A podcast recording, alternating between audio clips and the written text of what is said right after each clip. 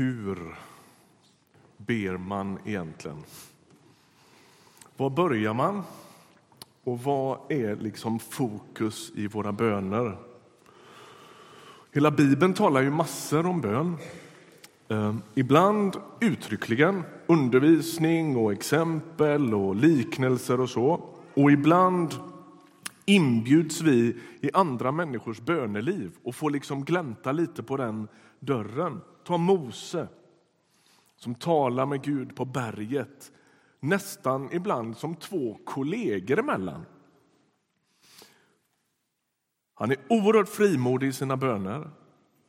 Och Gud verkar liksom gilla det på något vis.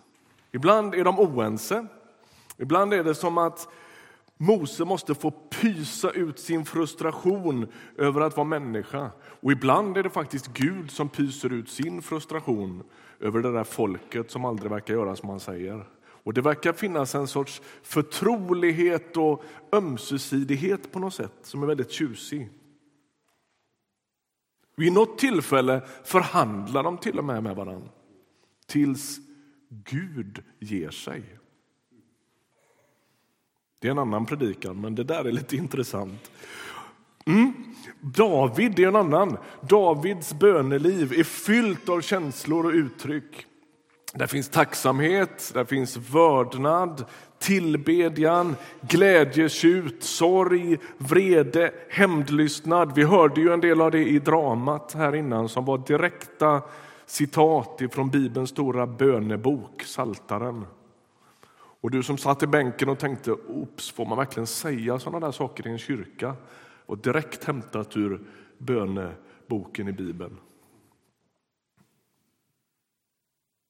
David och de andra psalmisterna de anklagar ju Gud för att han sover, att han inte bryr sig, att han har glömt dem. Och Det finns en anledning tänker jag till varför Saltaren har varit så älskad och aktuell i alla tider. Därför att den speglar både de mörka och de ljusa djupen i en människa. Både det goda och det botten, botten mörka. Liksom. Allt verkar få plats i saltarens böner. Och Det sker liksom utan skyddsnät. Det är ärligt, det är på riktigt och det är utan en massa religiös fernissa. Och mitt i det här kommer vi in liksom från sidan som moderna 2000-tals människor med alla våra erfarenheter. Somliga finner massvis med tröst i att man ber och man tror andra med ett ganska stort mått av frustration. Hur gör man egentligen? Hur inleder man en livslång relation med någon som inte syns? Bara det är ju svårt.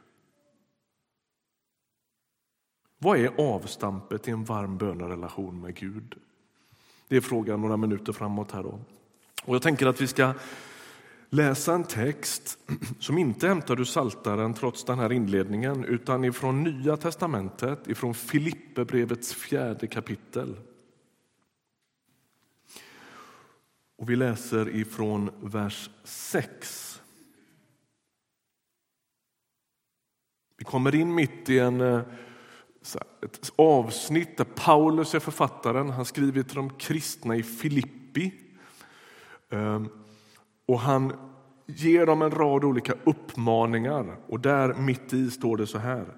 Gör er inga bekymmer, utan när ni åkallar och ber, tacka då Gud och låt honom få veta alla era önskningar. Då ska Guds frid, som är mera värd än allt vi tänker, ge era hjärtan och era tankar skydd i Kristus Jesus. Han säger bekymra er inte, utan be. Och Jag tänker att det här är intressanta motsatser. På ett ställe säger Jesus, var inte rädd, utan tro. säger han flera gånger. Man kan ju tro att motsatsen till bekymmer och rädsla skulle vara mod, hjältemod. Var inte rädd, utan var modig. Men det står inte så. Notera bekymrets och rädslans motsatser är tro och bön. Är du med på det? Var inte rädd, utan tro. Bekymra dig inte, utan be. Mm. Här krävs ett mått av urskiljning, tänker jag. Därför att vissa bekymmer är bra att bära. En rakt igenom obekymrad människa är inte nödvändigtvis något positivt. Eller hur? De brukar hamna på Kronofogden och alla möjliga instanser i samhället om man aldrig bryr sig om någonting. Eller hur? Så frågan är vad det betyder och vad det inte betyder. Paulus till exempel, Jesus han är ju bekymrad. Han är bekymrad ganska ofta, över det mesta. Paulus är bekymrad över alla församlingar han har varit med och grundat och som inte han tycker gör som de säger. Eller hur? Han har listat upp hela sin långa Eh, lista på allt han, han, han har lidit liksom, av att vara kristen ledare och apostel. Det är skeppsbrott och piskrapp och fängelser och allt vad det är. Så till råga på allt annat har jag också haft bekymren för alla församlingarna. En viss vånda för våra medmänniskor, för en blödande värld, det är vi kallade till att dela med Jesus. En fullständigt obekymrad kristen har förmodligen inte tagit livet på allvar. Annat som du och jag sliter med och tror att vi måste bära själva skulle vi behöva lämna över. Och då skulle ju vän av ordning säga, ja men berätta nu då, lista upp i två kolumner vad ska man bära, vad ska man inte bära? Nej, det går inte till så. Det är här urskiljningen kommer in. Hur ska jag förhålla mig till livet? Och jag har bett en bön ganska ofta. Den formulerad i en bok som Magnus Malm har skrivit som heter Kännetecken. Och den här bönen den lyder så här. Jesus, du har lovat ge vila åt den som arbetar och är tyngd av bördor. Du som har ett milt och ödmjukt hjärta. Lär mig att bära det jag måste. Du som bar korsets ok, bär det jag inte behöver. Är ni med på den bönen? Det är en bön om just den urskiljningen. Vad, Jesus, vill du att jag ska bära? Vad vill du att jag ska be över? Vad vill du att jag ska bekymra mig över? Vad vill du att jag ska dela av smärta som du känner för världen och tillvaron. Och vad skulle jag behöva lämna över? Gud, ge mig en urskiljning att veta vad jag ska bära och vad jag ska lämna. Det är en bra bön, tänker jag. Och det här med att nämna allt i bön, tänker jag då, är lättare sagt än gjort. Vi bär i vår gudsrelation, precis som i alla andra relationer, med oss en massa bilder, eventuella låsningar som vi kan behöva släppa taget om. Ni vet när man lever i relation med andra människor, det kan vara en arbetskamrat eller en livskamrat eller barn, föräldrar, vad som helst, så kan man ibland behöva sortera i vad är det som gör att vi inte hör varandra. Eller hur? Och detsamma kan gälla i gudsrelationen. Det kan finnas en och annan bild som man skulle behöva släppa taget om. Det ena skulle kunna vara vår syn på fromhet. Vad är okej okay att säga och att uttrycka? Och här har kyrkan genom historien haft lite klurigt att navigera rätt därför att vi har haft ett sånt enormt behov av att dela upp livet i andligt och inte så andligt. Och så får vi för oss att det är bönerna de har med det andliga att göra, men inte med det andra. Det får man liksom lösa själv. Det kan vara en sån där uppdelning och bild som man mår bra av att göra upp med. Och Den andra är släkt med den. Det har med misstänkliggörandet av vårt eget känsloliv att göra. Jag tänker att vi bär på djupa låsningar när det gäller känslans plats i kristen tro. Vi har hört så många gånger att vi inte ska lyssna till våra känslor. Och jag tror att det är ett dåligt råd.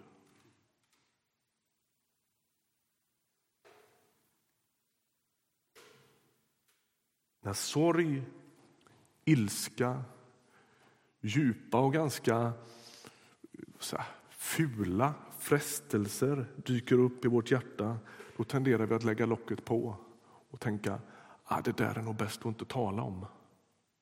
Eller visa upp. Eller se. Inte ens spegla sig i det. Och det hjälper oss inte att vi lägger det locket på. Hoppas du hör mig säga då att jag sa inte att vi ska regeras av våra känslor. Men vad skulle hända om du tog fram dem inför Herren och talade sant om dem? Bönen, säger Paulus sen i den här texten, den behöver vara indränkt i tacksamhet. Och man kan ju bli galen när man hör ett sånt råd. När man är ledsen och förtvivlad och frustrerad och tänker det är bara skit med alltihop. Så ska man vara tacksam också. Men vad är det han säger här egentligen? Han säger inte att vi ska vara tacksamma för allt. När livet rammar dig från sidan med full kraft och sorgen bara väller över dig, då finns det ingen bibeltext som säger att du ska tacka för det.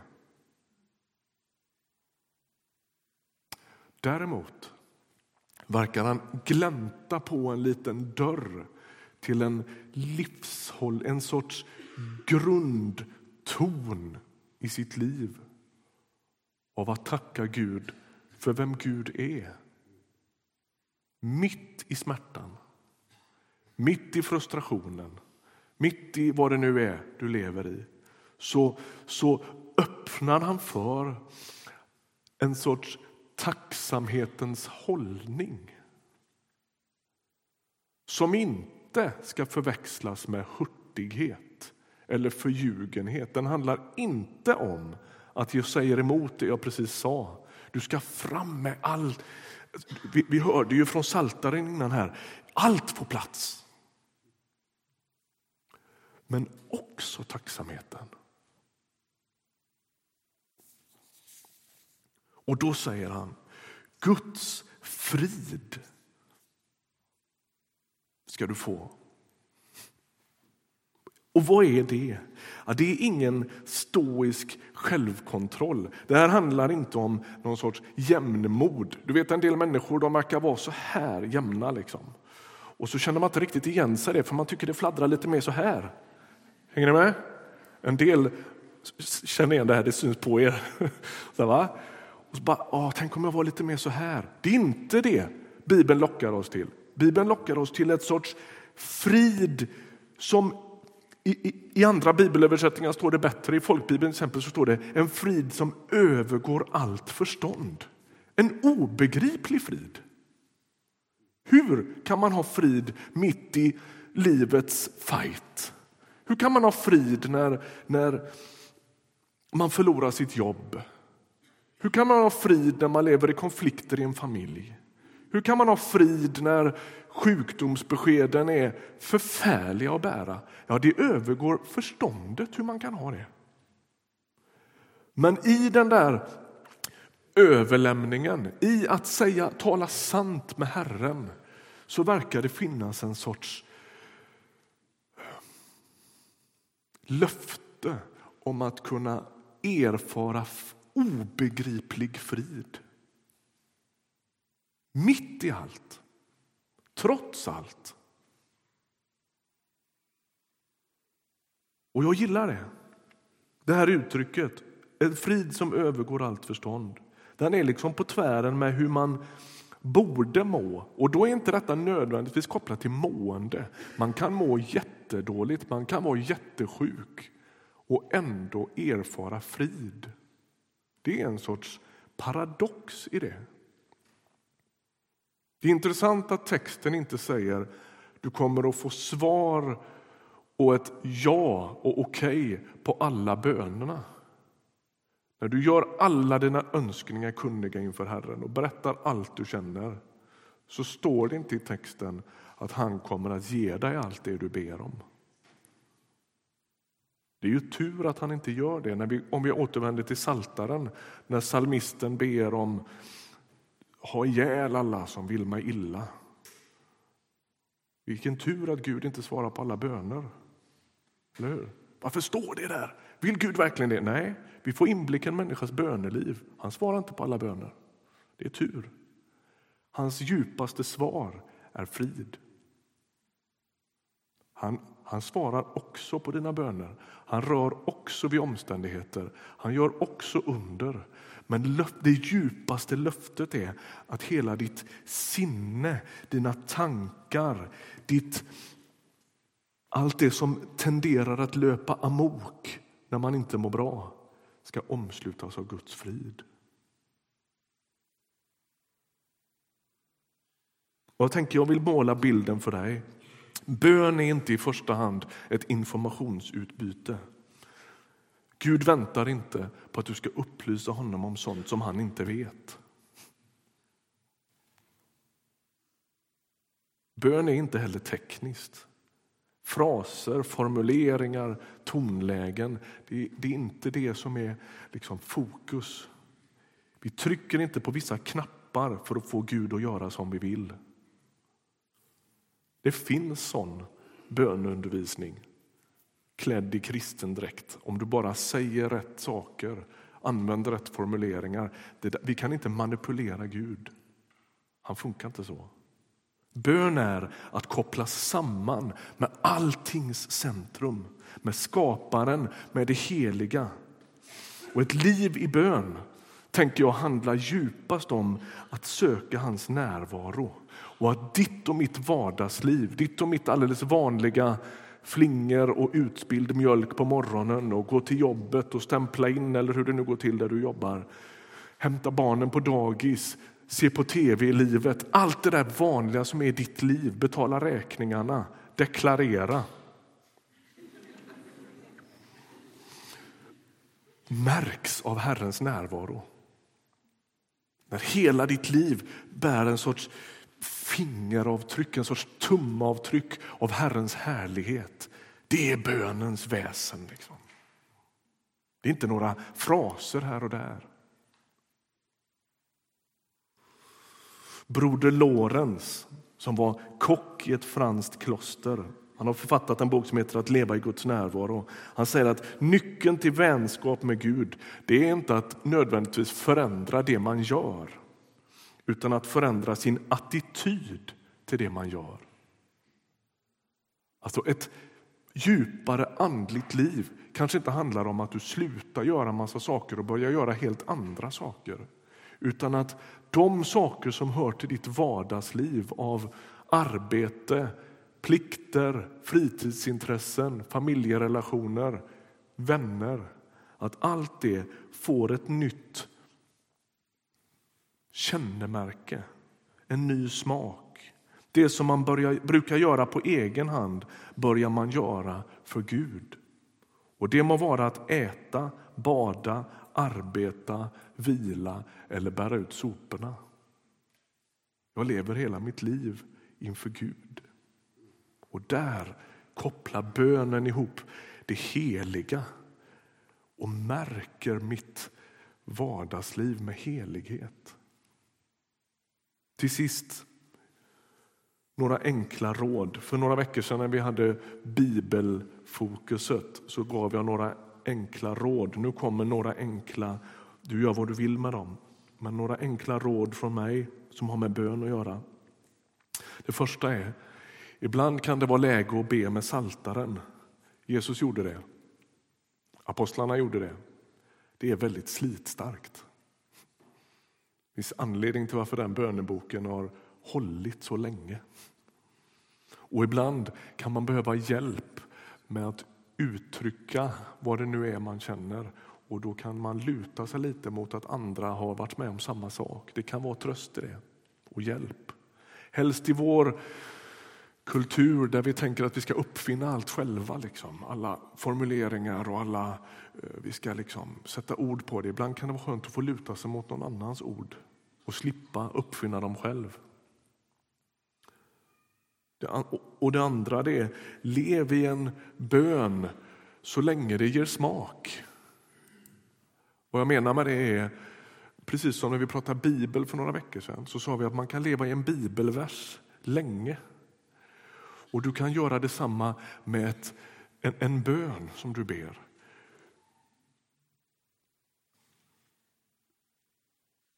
Själv ber jag samma bön varje morgon på min promenad med min hund och har gjort i två och ett halvt år. Och den ger fortfarande smak. Är du med? Och det finns en vila i det. Inte minst för en gubbe som tror att orden hela tiden spelar så stor roll. Att få vila i någon annans ord. För det tredje, enkelt, be korta bönesuckar.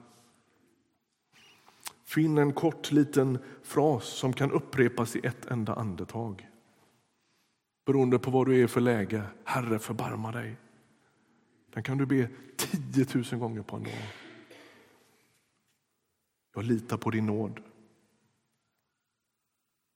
Tack Jesus för att du dog för mig. Kanske bara tack Jesus. Tack Jesus. Möt mina jobbarkompisar idag. Tänk om du skulle be den bönesucken gång på gång när du blir påmind. Möt mina jobbarkompisar idag. Eller be ett, låt ett bibelord få genomsyra ditt böneliv. Herren är min herde. Herren är min herde.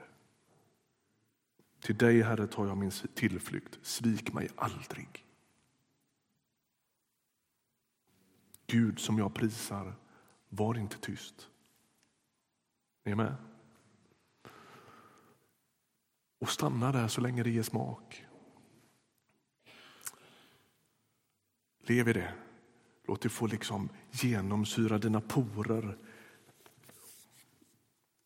Därför att bönens djupaste eh, avsikt är inte att Alltså det är klart att man begär saker och ber om saker och önskar förändring.